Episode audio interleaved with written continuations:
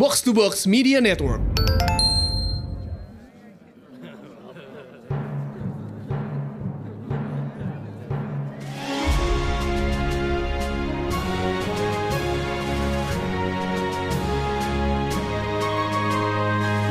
Perhatian, perhatian. Dongeng Paman Geri akan segera dimulai.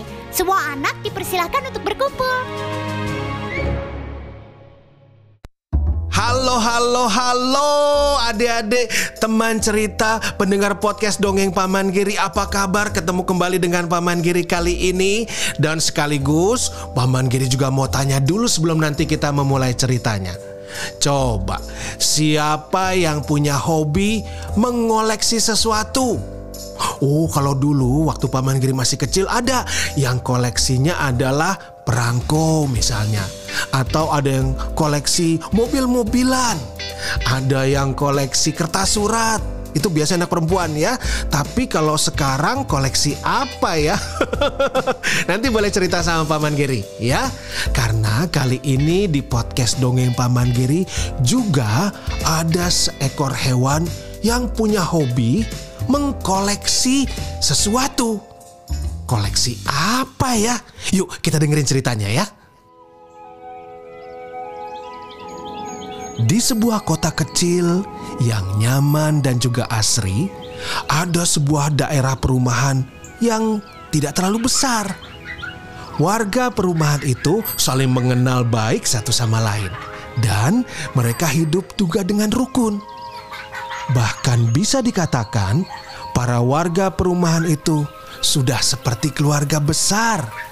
Mereka suka saling membantu dan menolong.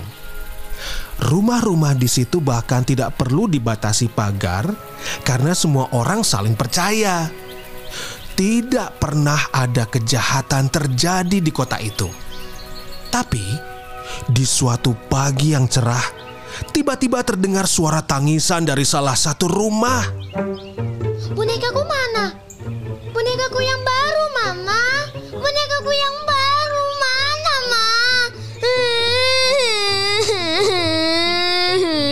Sebentar, Mama carikan ya. Tapi ada jangan nangis gitu dong. Nanti juga ketemu. Aku udah cari di mana-mana, Ma. Tapi tapi bonekanya nggak ada. Iya, iya, iya, iya. Sabar ya nak. Tangisan ini didengar oleh tetangga di samping kiri dan kanan rumah itu. Tapi mereka maklum, ya namanya juga anak-anak. Mungkin lupa menaruh bonekanya sendiri kan? Para tetangga pun meneruskan kegiatan mereka. Ada yang sedang berkebun, ada juga yang sedang membaca koran. Tapi tiba-tiba terdengar suara dari salah satu rumah tangga itu. Ma, kamu lihat sarung tanganku nggak sih? Yang warna kuning. Itu loh yang biasa pakai berkebun. Di tempat biasa, Pak. Di dalam keranjang perlengkapan berkebun. Iya, tapi ini cuma satu. Yang satunya lagi mana? Lagi kamu cuci. Tidak kok, aku tidak mencuci sarung tanganmu. Mungkin kau lupa di mana menaruhnya. Pak tetangga bingung. Ia tidak pernah menaruh sembarangan peralatan berkebunnya. Apalagi sarung tangan kesayangannya yang warnanya kuning itu. Ya, mana mungkin ada yang mengambilnya. Tetangga langsung menghapus dugaan itu dari pikirannya. Tak mungkin ada yang mencuri di perumahan ini. Tidak mungkin. Tapi ke mana sarung tangannya ya? Jangan-jangan boneka anak tadi juga ada yang ngambil. Setelah beberapa hari berlalu, ternyata tak hanya anak perempuan dan pak tetangga yang kehilangan. Para warga lain juga mulai banyak yang melaporkan kehilangan barang-barang di rumah masing-masing. Ada yang kehilangan sebelah sandal, ada yang kehilangan handuk kecil, kaos kaki, bahkan ada yang kehilangan sekop berkebun. Nah, adik-adik, warga jadi resah. Maka Pak Polisi mengumpulkan warga di rumahnya sore itu. Warga kota yang terhormat, hari ini kita berkumpul karena ada beberapa orang dari kita yang merasa kehilangan barang-barang pribadinya. Dengan berat hati, Saya mencurigai adanya pencuri di antara kita. Pencuri di antara kita? Itu sangat tidak mungkin. Tenang dulu, tenang dulu. Saya ingin tahu apakah barang-barang yang hilang ini semua biasa ditaruh di luar rumah, misalnya di teras atau di kebun? Iya, iya, Iya betul, iya betul. Iya. Aku biasa menaruh sendalku di teras. Aku biasanya menaruh sepatu bootku di depan pintu kuda. Iya, iya betul juga. Betul juga. Maaf, saya harus bertanya seperti ini.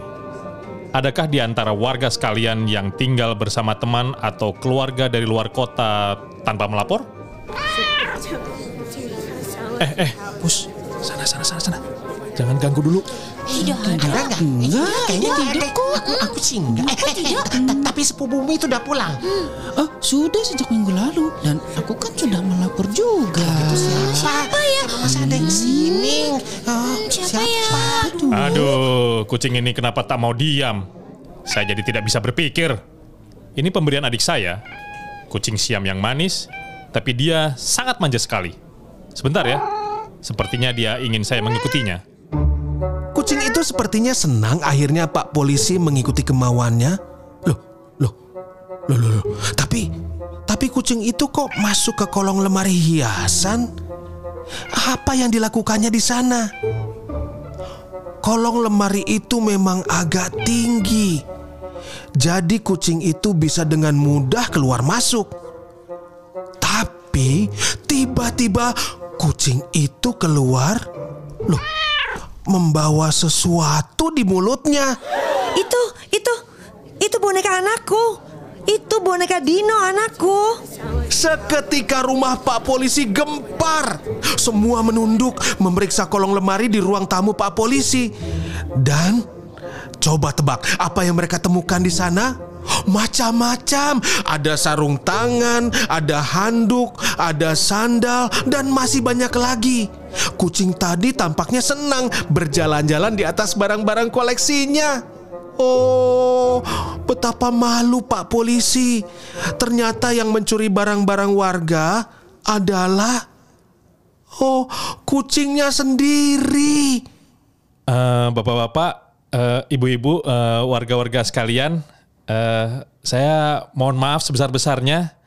Eh, saya ini benar-benar tidak menyangka kalau kucing saya lah yang mengambil barang-barang tersebut. Eh, eh, saya, eh, saya, Para warga malah tertawa. Mereka sama sekali tidak menyangka pelakunya adalah kucing. Ya, mereka tidak marah apalagi dendam. Tapi untuk mencegah hal ini terjadi lagi, mereka sepakat untuk memberi kalung lonceng untuk si kucing. Supaya kalau kucing itu mendekat ke rumah para warga, mereka bisa waspada. Adik-adik, sejak saat itu kehidupan warga kembali tenang dan si kucing malah jadi kesayangan warga.